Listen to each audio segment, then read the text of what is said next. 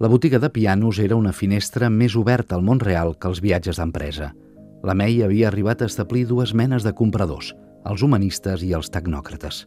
Els humanistes vivien la música com una necessitat espiritual, reverenciaven els instruments, no veien els pianos com una màquina, sinó com una meravella complexa, refinada.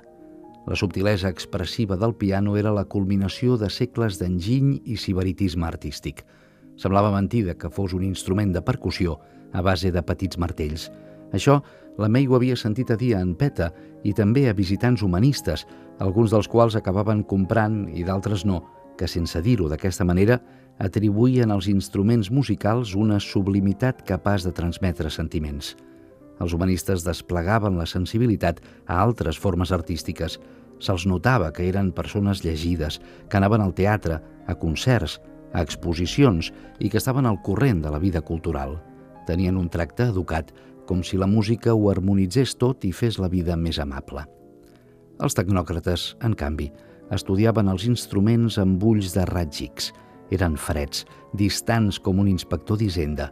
Resseguien les complexes articulacions que van des de les tecles fins als martells, com qui examina les bieles d'un motor d'explosió.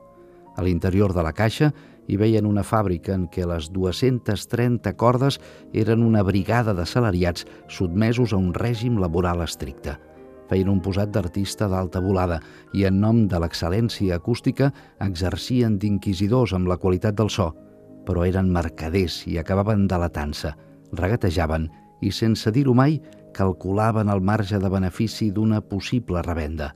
La May havia observat que una liquidació d'estocs era molt llaminera per a aquesta mena de compradors.